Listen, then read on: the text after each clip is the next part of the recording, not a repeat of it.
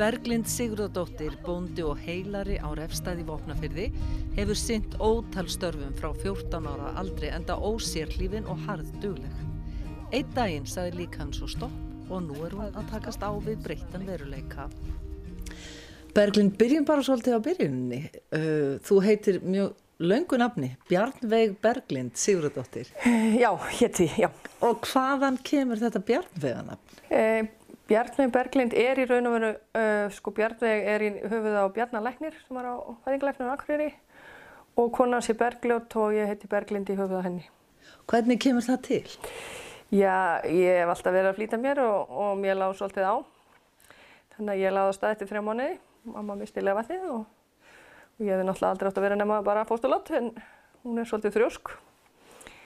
Þannig að hún fór inn á spítala og hafði þá þegar mist barnáslöfn á hérna, sjúkrahúsinu.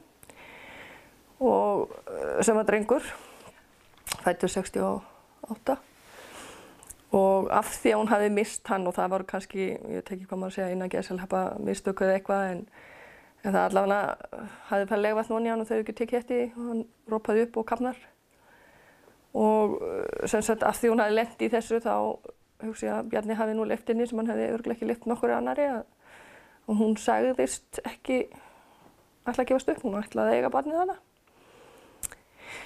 og mér skilst að hjúkurnar hafi nú ekkert verið ánaðar með hann að hún neitt að fara að klósa þetta og allt svo leiðis, hún sagði því bara verið að sækja. Ég fer ekki upp úr rúbunu fyrir barniði fætt.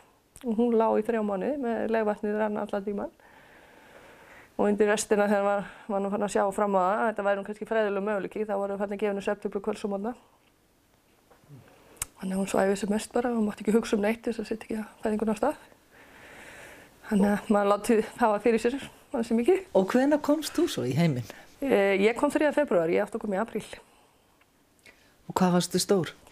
Ég var tólmerkur, það var nú sko óvinnu stórt með að við tíma en, en mamma náttúrulega vissi að hún myndi aldrei hafa þetta af allan tíman þannig að hún borðaði allt sem hann náði í bara til þess að reyna að láta barnið stækka. Hvar ert þú í röð sískinana? En ég fór sem sagt onni tíu merkur eftir á en ég er næst síðu sko. Hvað er þið mörg? Sko það eru þrjú eldri að hefði verið fjögur með bróðum mínum undan mér. Já. Já, og þú fæðist á Akureyri en uh, þið búið í fljótonum, eða hvað? Nei, við, við búum á Kvíabekki Ólusöði. Já, já, já. Hvar koma fljótinn þá inn í söguna þeina? Mamma er ættum úr fljótum, Já, já. Sörbæði fljótum. Hvaðan kemur þrjóskan þá hjá ykkur? Já, ég hef alltaf sagt að ég sé úr tveim þrjóskustu fjölskyldum sitt hvorum eifil á heiðina. Segðu mig hverja þær eru. Það er náttúrulega Sörbæjavættin, það er náttúrulega, það er þessu síðustu tveinu steilandamennindi, segi ég, það er mamma og bróður hennar. Og svo Kvíabekkiættin. Já, í Ólasverði. Já. Já. Pappi er frá Kvíabekk og, og mikil hestamaður. Já. Hvernig var barnæskaðin? Hvernig, hvernig var, byrjaður fljótt að vinna þetta? Já, sko við fluttum, maður náttúrulega alltaf látið henni hjálpa til heima við og, og veitir náttúrulega ekki af og ég fór 12 ára aftur í fljóttinn með mammu þegar þau skilja og yngri bróðum minn. Og það er náttúrulega nóg að hjálpa til þar og, og svo þegar ég er 12 ára þá fer ég að vinna á sömurinn með skóla á Ketilós. 12 ára? Nei, fyrir ekki 14 ára, ég Flytt 12 12 ára í já. sko, fljóttinn en 12 ára, nei 14 ára þá fer ég að vinna á Ketilós og ég vann þar í þrjú, tvö sömur held ég. Og þá var það sem sagt frá 10 til 6, svona 8-10 vaktir og ég labbaði í, í vinnuna og úr vinnunni. Og ég hafði veslað og labbaði með vörurnar heim líka því að mamma var ekki með bílpró.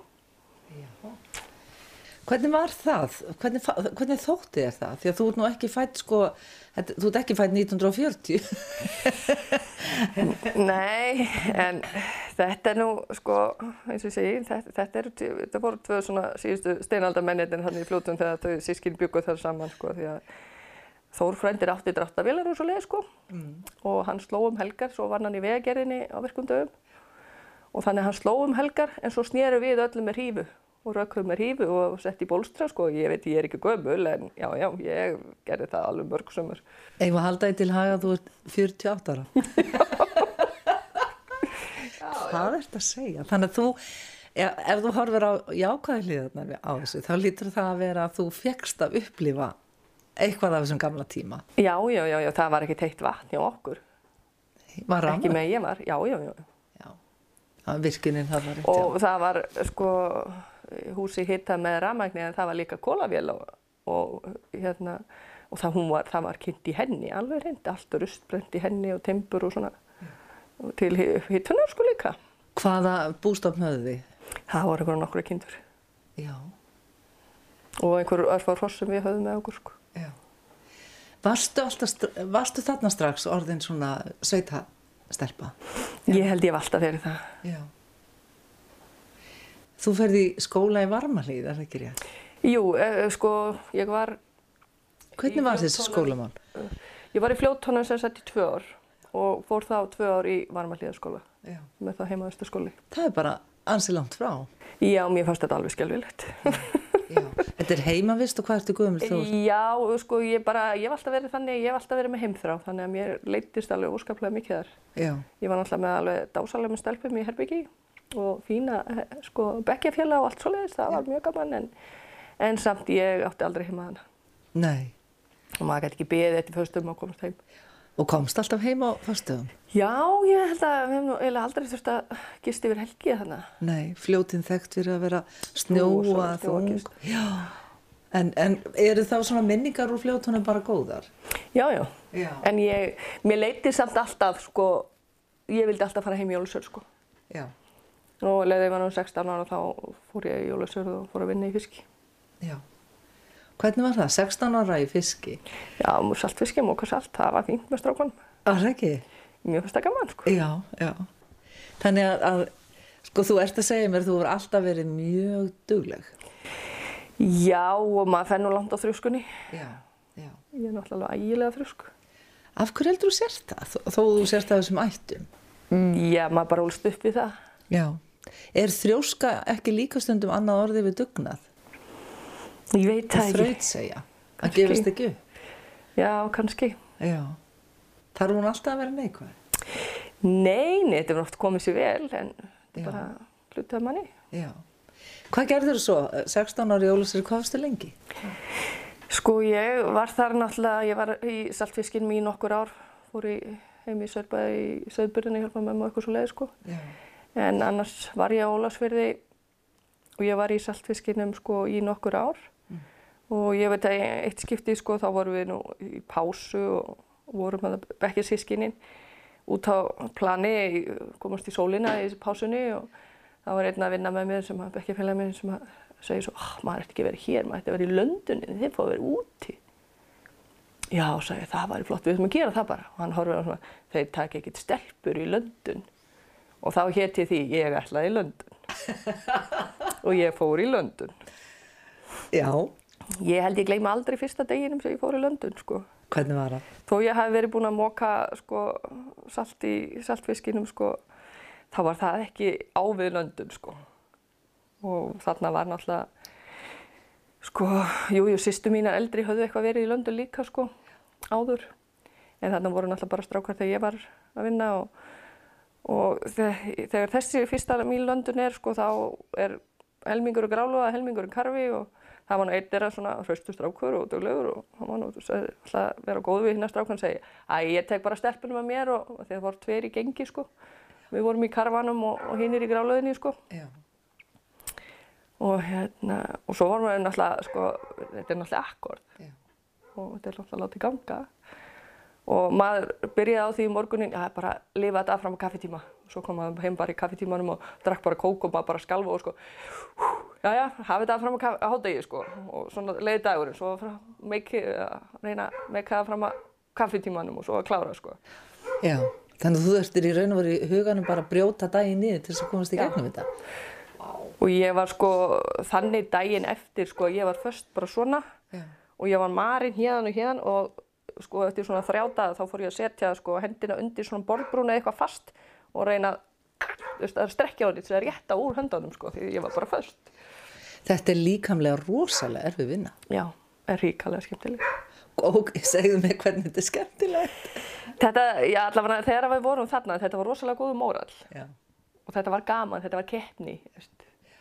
og, Og var það það, var það einhvern tíma þannig að þeir þurftu ekki að skamma sín fyrir að hafa stelpu í liðinu? Já, ég heldur að hafa nú ekki þurft að gera það oft í lönduninni, sko. Ég gekk nú ótrúlega fljóta að, að þjálfast upp í það, sko.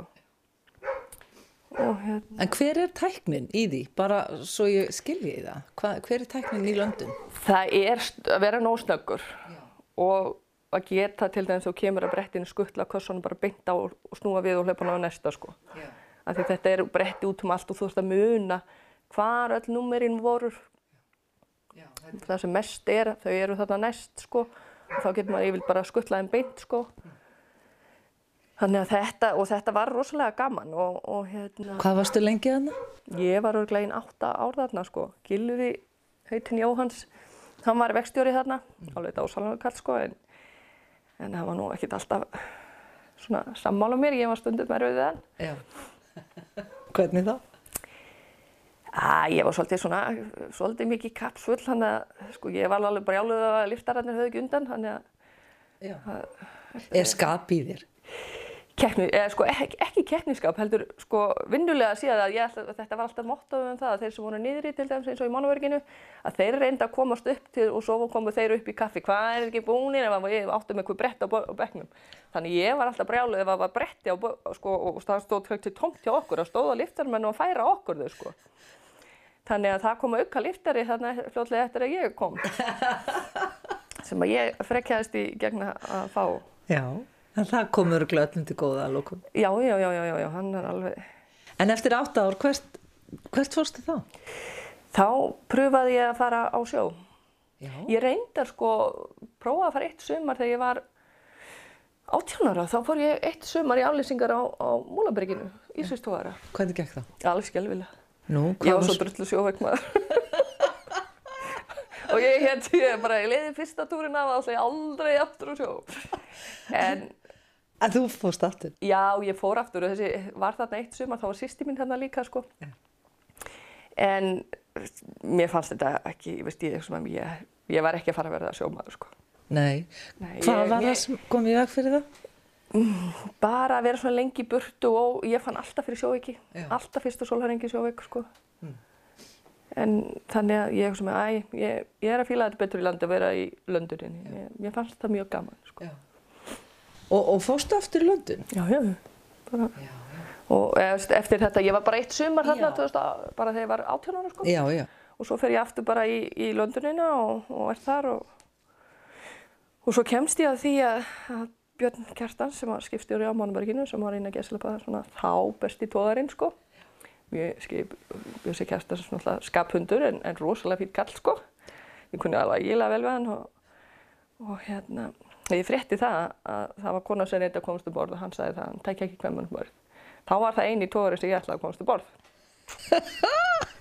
Og ég sátt um og ég átti nú svo sem ekkert von á því að ég kæmist en ég komst og fekk koma í aflýsingar fyrst sko. og ætlaði sjálfsög og mér fannst það allt annað sko, Ísvistóðarinn þó maður er út í heila mánuð sko og vera eini hver maður með þetta einhverju 27 köllum sko.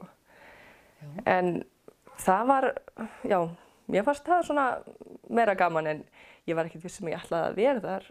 En svo þegar hann bauð mér fast pláss eftir að við búin að segja það að hann takki aldrei hvem mann bort þá var eiginlega ekki hægt annað en að segja bara já takk þannig að Hvernig gekk það? Hvernig, hvernig er að vera ein með 27 köllum?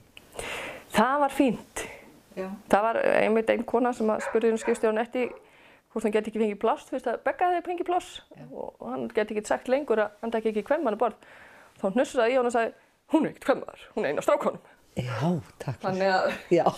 það var eiginlega svolítið mikið svo leið sko. Já, þú þurfti bara að fara í það hlutverk.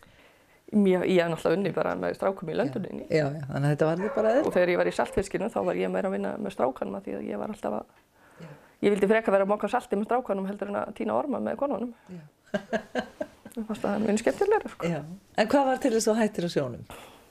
mér fannst þetta vera orðið ágætt Hvað varstu lengi?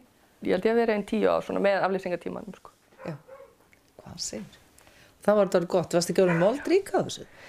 Er það ekki mítan að maður verið svo ríkur á sjón? jú, jú, ég, maður náttúrulega hafði ágætt upp úr sko, sjómæskunni Já. ég kefti náttúrulega hús á Ólafsöri svona alveg óvart, Nú? en maður getur keipt hús alveg Já, óvart. segðu mig hvernig þú getur hús óvart.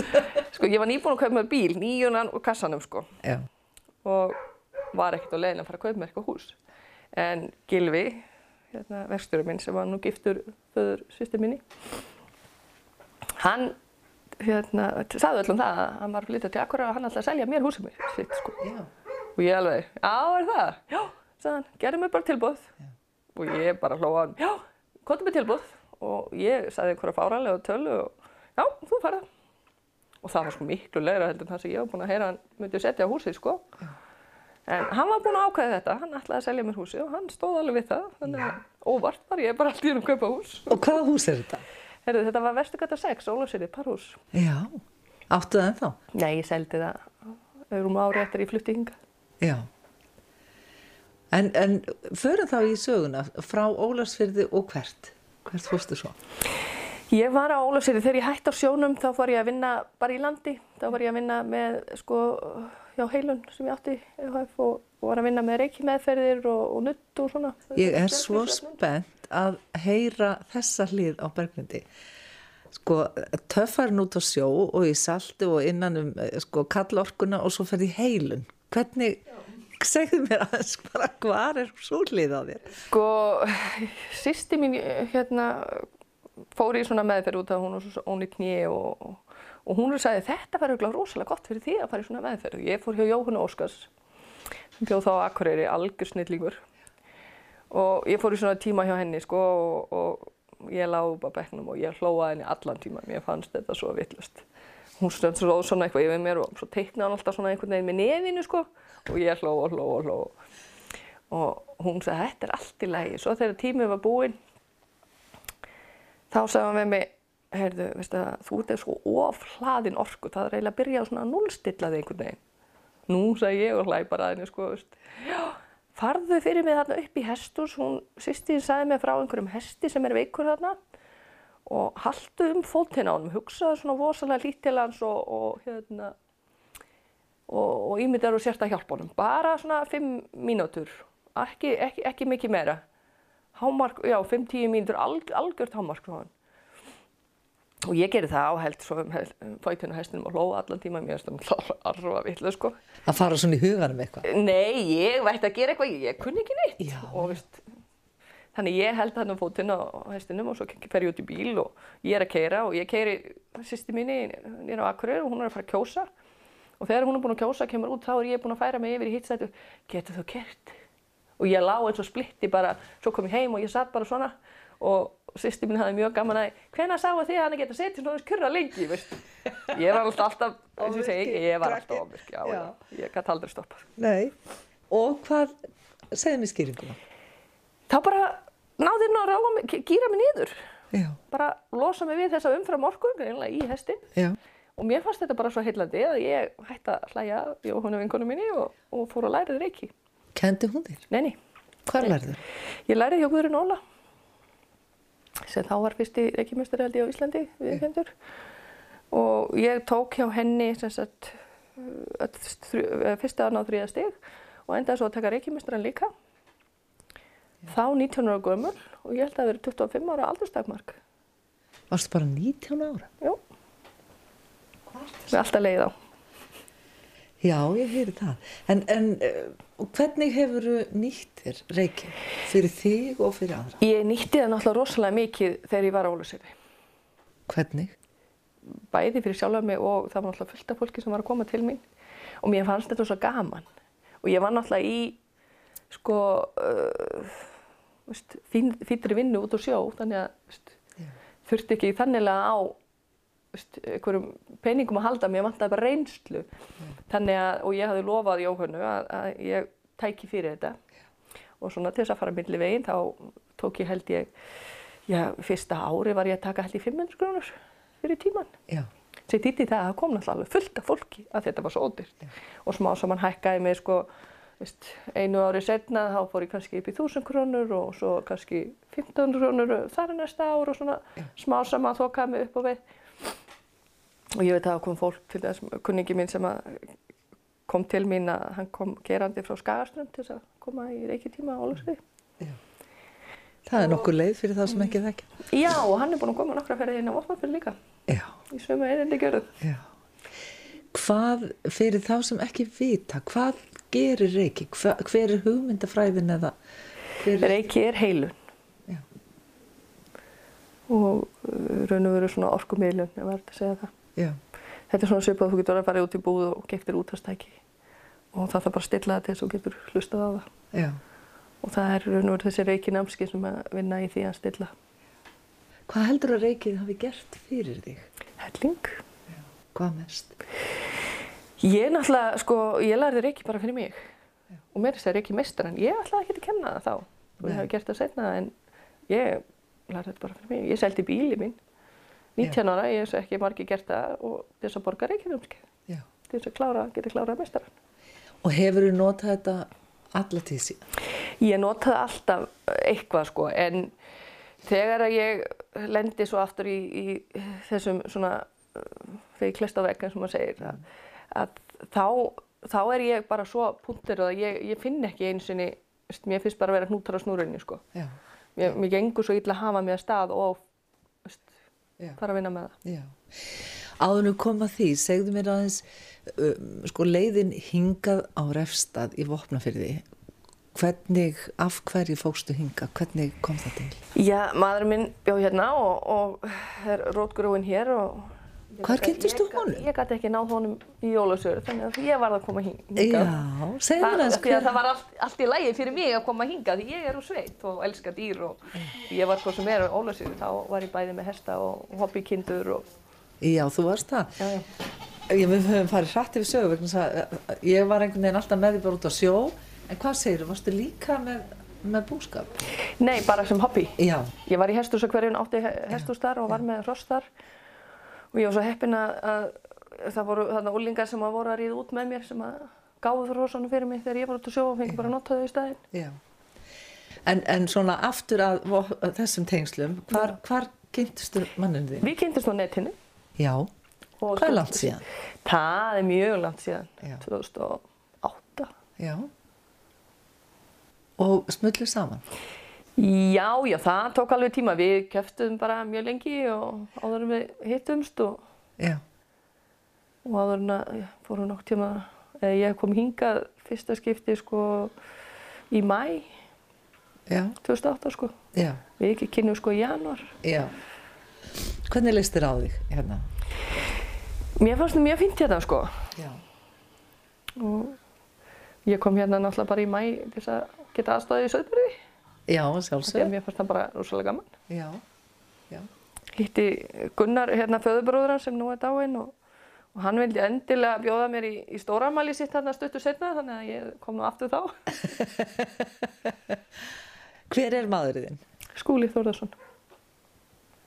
Og ef við förum aðeins í það, hvað, hvað eigi þið af börnum? Við hefum tvö börn. Hver eru þau? Jódís Lilja er 10 ára og Stefán Þór er 8 ára. Já. Þannig að, að, en svo er það sko bóndin í því, það er í raun og veru kannski það sem að tekur við þegar þú kemur hérna á refstað. Eða hvað? Já, ég fór samt að vinna sko í sundabúð. Já, segðu okkur aðeins hvað sundabúð er. Uh, er, já, það er dalarheimili, eða sko hjúkrunarheimili hérna. Þú er aldrei eiginlega setta fyrir þig hvað þú vinnur, þú ert bara, þú vinnur og gerir vel það sem þú gerir. Já, já, ég vann þetta en alveg sko nættuvættin henda mér vel en ég hat hann alltaf þvottinn. Já, er það ekki? Jú, ég, þetta var svo útleðilegt.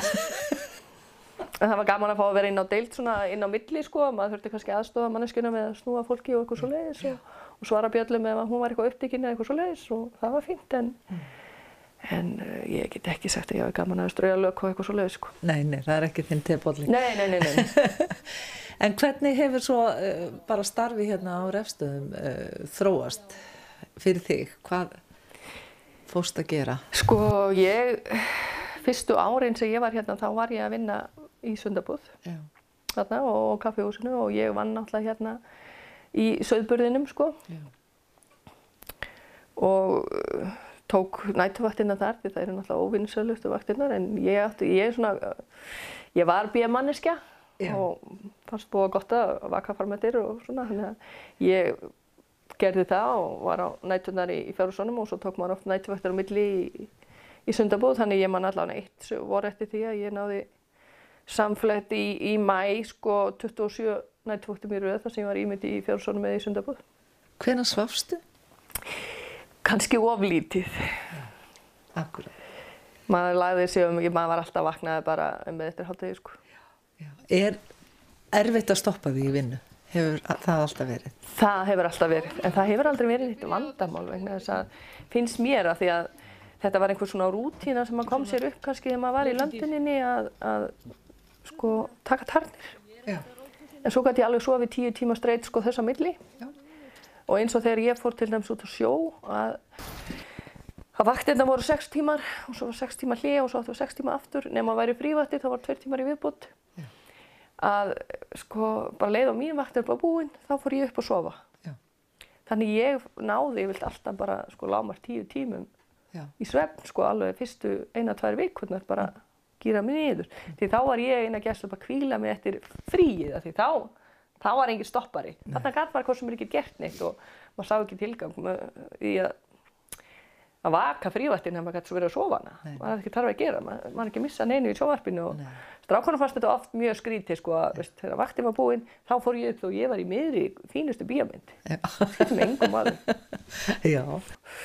þegar ég hætti í, í sundabúð ég, já, ég, ég fekk eiginlega bara nóg. En, en þannig að þú hættir þarna og ferð í laurugluna á svæðinu. Mm, já, svona setna ég, ég hitti hérna fyrirvændi lauruglunum konuna hérna út í búð og, og hún er eitthvað að segja svona við mig já, herðu það vantar í lauruglu, ert þú ekki vinn í því? Þú ert nú hætti í sundabúð eitthvað. Og, ég segi svona, nei, ég er ekkert lærðið neitt ég, þó ég hef tekið einhverja nokkra vakti fyrir norðan, þá var ég ekkert neinu svoleiðis og hún alveg bara, ha, tókstu einhverja vakti fyrir norðan? Ég segi, já, bara helgar eitthvað sjaldan sko og þar með fór bara boltinn að rúla og, og hérna, það fegst undan þá að ég væri ráðinn í lauruglunni af því að það var bara einn lauruglumæður hér Já. lærið á þeim tíma og, og hann alltaf getur ekki unnið alla sólarhingin allt árið um kring Nú er það ekki. Er það var gengur svona, ekki? já, það var ég fengið svona aðeins þess að brúa bílið að, að, að hann fengi aðeins frí en þá var ég að vinna sagt, uh, tvo dagi í viku, tíu tíma og svo var ég á bakvægt hína dagana veist, á móti honum Já. Þetta er mjög stórt svæði landfræðilega, er það ekki? Jú, sko, þetta væri ekkert máli, þetta væri bara vopnafjörður en náttúrulega upp á gatnamót, upp á, upp á bara þjóðveg. Já. Það er náttúrulega svolítið mikið að senda ofan manneski eina í bíl sem að aldrei hefur farið í kennslu í forgangsræðstri en svoleiðis. Nei. En mér fannst þetta rosalega gaman. Já. Og þetta, þessu sittur ég- hvað lengi? Sko, ég byrjaði þarna í uh, 1. september 2017 Já. og ég er í þessu uh, þangað til ég bara missi heilsuna og, og gefst upp endalega uh, í miðan februar 2019. Já. Ef við förum aðeins í það, uh, duglega konan sem mista hilsuna og klösti vekkinn, þú verður eiginlega að segja mér hvernig upplifun það var. Gerðist það allt í einu eða hafði þetta að, þennan aðdraðanda? Sko, ég held að þetta hafi verið, þeir segja ofta sé nú eitthvað svona áfall, eitthvað sem kemur sem er svona kveikjan að koma vefjagiktina að stað. Já. Og ég held að það hafi verið þegar ég átti dóttir mína. Mm. Þá, sko, ég átti að eiga hana 14. mæ og það skefur náttúrulega ekki nokkuð skapaða hlutur og, og það er alltaf verið að reyna, 2009. mæ bara er að reyna að setja mig að stað og það gengur ekki neitt og, og þá loksins uh, komaði mér nú að stað og, og ég missi vatnið og, og fæ náttúrulega ríðar og, það, vatnið haggast náttúrulega ekki neitt og, og þá er tengt dripp sem ég vildi aldrei fá. Ég var mjög ósátt við það að ég var aldrei spurð. Vegna þess að þessum tímapunkti vissi ég að ég var að fara í keisara. Já. Barnið var ekkert að fara að koma. Þannig ég var rosalega ósátt við það að það sé bara komið og tengt upp dripp og, og, og, og, og það út af fæðingalækni sem aldrei kom að hitti mig. Þannig að ég er náttúrulega uh, ein á Akureyri, þannig til að það mátti þakka fyrir að skúli kæmist þannig 2009. þegar áttu að setja mig af stað, þá er ég búin að býða á Akureyri þannig í hálfa mánuð eitthvað. Og, uh, og hann náttúrulega er búin að vera hérna í sko Söðburði? Já, allar sólarhingin og þetta var svo skelvild voru og svo mikið snjóra, það var bara að gefa öllu inni í öllum kitrum og berja í þetta vassfötar út um allt. Þannig að hann var nú kannski ekki mikið stuðningur af honum því að hann svaða megniða tímanum sko. Já. Bara uppgefin sko. Þannig að ég var, og svo var náttúrulega önnu koni í næsta herbyggi sem að öskraði úr selungun og, og það voru það voru það bara þar. Já. Trúlega gengið betur fæðingin en barni fór aldrei niður í grind hjá mér. Nei. En það var alveg nákvæmlega sömu, sko, eins og segi, kvalinnar eins og eins og segi, það var bara eins og verið að rífa hrygginn á mér í söndur. Og það er ekki fyrir þannig um nóttina, það er búið að tengja eitt drippi í botn og ekkert gengur. Að þá koma einhvern tíðan inn sér elskur og, og sjá það að það er farið aðeins að koma eitthvað flögt eða eitthvað á hjartsláttinn hjá barninu. Og þá er ræst út bara miðjanótt gengi til þess að henda mér í kesara Já. og ég fer í, í keisara þarna. En það er einhvern veginn ekki deyft mig nógu vel. Eh, Það er notuð deyfingin úr, ég er náttúrulega ekki mænudeyf, heldur mænurótadeyf og það er sett í notað það. Já. Og sko ég finn alveg fyrir því sko, þegar alltaf fara að íta barnin út sko, ég, hann heldur í hendina mér þarna svæfingarleiknum, ég fer að kreista hann alveg og, og hann lítur á mig, finnur þú fyrir já! og þá var mér gefið eitthvað meira en það var náttúrulega allt og seint til þess að fara að virka nema bara rétt í lokin og, og bara á eftir, þannig ég var nú mjög lengi bara að fá eitthvað mátt í líkamann að því að mér gefið þessu auka skot náttúrulega á eftir sem var náttúrulega bara allt og seint sko. En hún fæðist, hún tekið með keisara Já. og er í lagi með hana? Já, já, Já. En þetta er kannski, eins og þú segir, eitthvað sem að leysir af stað Já. það sem setna komst. já, já, þetta í raun og veru er náttúrulega púra sko áfall. Já. Sem að, sem að hérna, ég fekk náttúrulega, þó að aldrei uppgöðast sjálfsagt, var ég alveg pottitt með áfalla streitur öskun eftir þetta. Já. En þess að Jóti sefur ekki neitt á nættunar. Nei. Þarna og skúli náttúrulega að vinna á búinu og, og heia og allt þetta og, og þannig ég er alltaf með hana. Já, já. Þannig ég, sko hún sopnar á kvöldin en svo vaknar hún svona 11-12 og grenjar frá 2 og upp í 6 klukkutíma samfleitt á nættunar. Og þetta auðvitað kemur að stað bara einhverju ferli sem að þú ert í raun og veru enn svolítið í. Já, þarna er ábyggilega svona trikki sem að veist, hendi mann fram að með vefegiktina sko. Já, já. Að, að koma henni alveg á fullt. Og eftir þetta var ég alltaf rosalega slæm í baki. Já. Innan gæðslap ég hef alltaf unni svona mikið og kannski hefði maður höndlaði þetta allt saman sko, eins og maður ætlaði að gera. Ef að ég hef ekki lendi því að ég, sko, ég átti fyrst í lauruglunni til þess að vera þjálfuð að vera með hínumanninu sem er að vinna hérna. En hann fyrir veikindaleyfi í sex vikur þegar ég er búin að vera á sex vakti með honum. Það var held ég svona too much fyrir mig og mína vefveikik sem var ekki uppgöð fyrir þá. Já. Og það er rosalegt álag Já, standi því. þá, þá kemur þetta auka sko andlega álaga, veist, ég er ekki æfði í forgáðsakstri, ég Nei. kann valla á, kunni valla þá, ég þetta fór að kenna mér, býtu, hvar voru aftur hérna, já, lögreglur og ljósum voru hérna, býtu, talstöðum, hvernig virkaði hún og, veist, að því að þá ég engan stuðning, sko, þá, þá varst maður að vera svolítið palli einn í heiminum með svolítið mikla ábyrgð. Já, Og ég vildi fá að, til dæmis, fara í eilstæði já, og fá að vera með þeim strákonum þar já. Að þetta sem að svæði og taka annan daginn þar, kannski 12 tíma vakt og 8 tíma vakt hér og opna fyrir því daginn eftir sko. Nei, yfirmaður minn þar var ekki á því, það var svo dýrt að kera löglubílum milli. Hvenar áttar þið á þessu? Hvenar uh, kemur einlega það að þú, eins og núna er alltaf talað um að þú hafi bara klest á vegg? Sko, ég held ég hafi nú klest á vegg í þarna í sláturtíðinni. Ég neitt hafi bara viðkennað sko. já, já. Og ég held áfram eins og sé á þrjóskunni. Maður er bara þreyttur núna, nú bara klára maður sláturtíðina og svo er þetta allt í lagi. Já, Það var alltaf þreyttur í já. En svo eftir slátutíðina það var bara alltaf jafn þreytt. Og þegar það komur á jólunum og, á aðfangadag, veist, ég er svo þreytt. Og maður er stöylast og elda matinn og setja hann á borðið og, og sest niður og hugsa, hvað, ég þreytti, veist, ég hef bara, ég hef ekki list á matn, Nei, veist, jólamatn á aðfangadag. Þá var bara eitthvað, veist, það, nú verður þú bara að gera svo vel að fara til læknis. Sko. já. En, en ef við förum hrætt yfir sögu, þú fer til læknis og ég veit að þú fegst alls kynns skrítin skilabóðum að það væri lítið eða ekkert að þér. En, en staðrindin var samt þessi að þessi stóra, sterka kona var buguð Og hvernig var að horfast í auðvið það og hvað gerður? Sko ég fer til læknis þarna í janúar 2018 Já.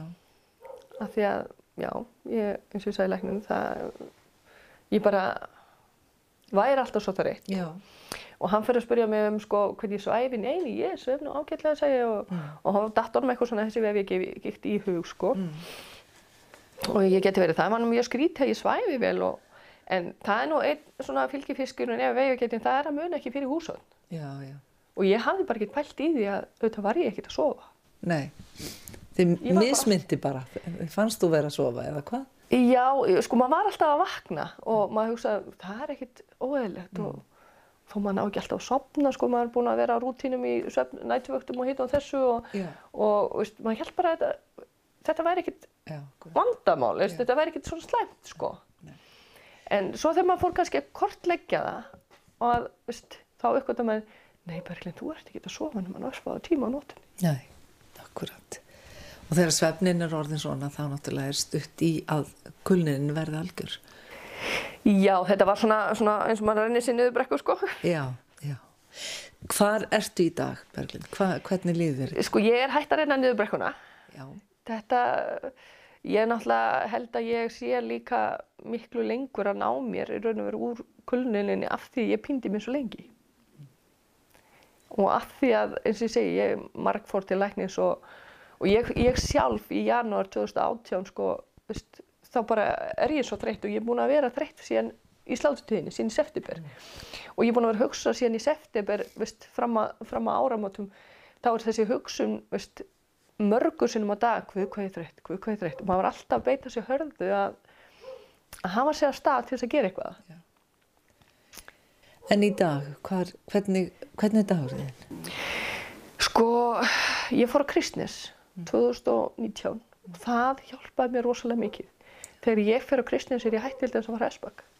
Það hafði ekki farið hessbakk í marga mánuði, sko. Já. Eins og mér finnst það bara dásanlegt, sko. Þannig að uh, ég, já, fer í sex vikur og ég er náttúrulega með alveg dásalegum stelpum þarna á Kristnesi. Mjög skemmtileg hópur og höldum vel þá hópinn, sko. Og, og svona vinkonar á Facebook og spjalla saman þar og svona hitt og þetta, taka púlsinn á okkur, sko. Og, og þarna kom maður sjálfur sér af stað í, sko, einhverja rútínu, gera einhverja æfingar. Og uh, hitti, sko, eins og maður segir, íðju þjálfa, Þarna var ég látin hitta sjálfræðing, ég var líka látin hitta reynda sjálfræðing á vegum hérna virk, ég var líka hjá virk sko. Og það, mér fannst það, hún, hún horfði nú svona á mig, "Fi- hefur þú eitthvað á móti að hitta sjálfræðing, viltu nýta þér það eitthvað? Og ég alveg, nei, ég, ég vil nýta allt. Já. Og ég fór að hitta sjálfræðinginn og, og hérna, og hún sagði, horfði nú á mig og var búin að spjalla saman þarna eitt kvöld af því að, að því ég býð náttúrulega hér og það er ekkert hér. Þannig að þegar ég var að kristið sér, þá bóká hún mig bara einu sinni í viku, þarna þessar, einhversu viku bara hjá sálfræðingi, sko, nýta tíman. Já. Og þegar ég var búin komið búin með fyrsta tíma, þá horfði sálfræðinga og sagði, ég veit nú ekki hvað ég á eiginlega að gera með þig hérna einu sinni í viku, þú er nú bara með þeir hressari sem hefur komið hérna. Og ég sagði, já, ég veit það, ég er nú bara svo heppin að, að ég er ekki þunglind og, og þetta, þó að líka minn hafi svona svolítið gefist upp og, og neitað að hlýða, eins og maður segir, að þá fannst mér ég aldrei vera þunglind eða eitthvað svoleiðis. Hvað er þakkar það? Ég veit það ekki. Kanski að maður hefði verið að nota reiki með eitthvað svoleiðis líka og líka bara svona að maður hefði reynd að taka þetta svo jafna að geði. Hvernig gengur þér að sættast við það sem þú getur ekki gert? Það hefur náttúrulega verið svona brokkjengt sko. Ég er náttúrulega skárri, Já. þannig ég er farin að geta meira. En auðvitað var það náttúrulega hundfúlt. Já. Hundfúlt að geta ekki tamið hestana sína sjálfur. Og þurfa að sko svona leikum við pall til þess að komast á bak því að vefjagiktin gerir mann alltaf svo stífan og styrðan. En þú gefst ekki upp? En ég fyrir samt á bak, ég bara, maður þarf bara sætta sig við. Eins og ég segi, maður er komin á bara barna og líkahestana, Já. Já. það er svoleiðis. Já. Og þegar ég kom af kristnesi þá var það mottoðið að ég ætlaði að fara að ríða út aftur. Líka ég var búin að læsa bakinu svo svakalega. Mm. Að fá bara þessa mýkt í, í reyfinguna í bakið að að ég setti það mér sem motto að komast á barnahestinum upp og niður afleikjaran já, á fytti. Það tókst ekkert alltaf. En þú að renna niður brekkuna og, eh, og þú serð eitthvað ljós framöndan, er það ekki? Jú, ég, það er náttúrulega bara strax og, og ég fekk að hætta að vinna. Já. Já, þú orðar að þannig. Þú Já. fegst að hætta að vinna. Var það alveg það sem að í raun og veru var vendipunkturinn í bata? Já, já, meðan ég var náttúrulega að vinna þá, þá var náttúrulega ekki bati Nei. og það var sko utan vinnuna náttúrulega eina að lesa bara ekkert líf sko, maður gerði ekki neitt Nei, það veit það ekki. því þá var maður bara að kvíla sig eftir Hvernig er að kynnast þessari hlið á Berlindi? Hvernig, hvernig ert að reyna að sættast við hana? Já, já, þetta þetta gengur alveg og hjálpa mér náttúrulega finnst mér rosalega mikið að hafa hestur sig og rossum Já. geta dunda með þar Bara takk fyrir að segja mér sögum þína, leið í þessu lífi og gangið þér áfram vel. Takk.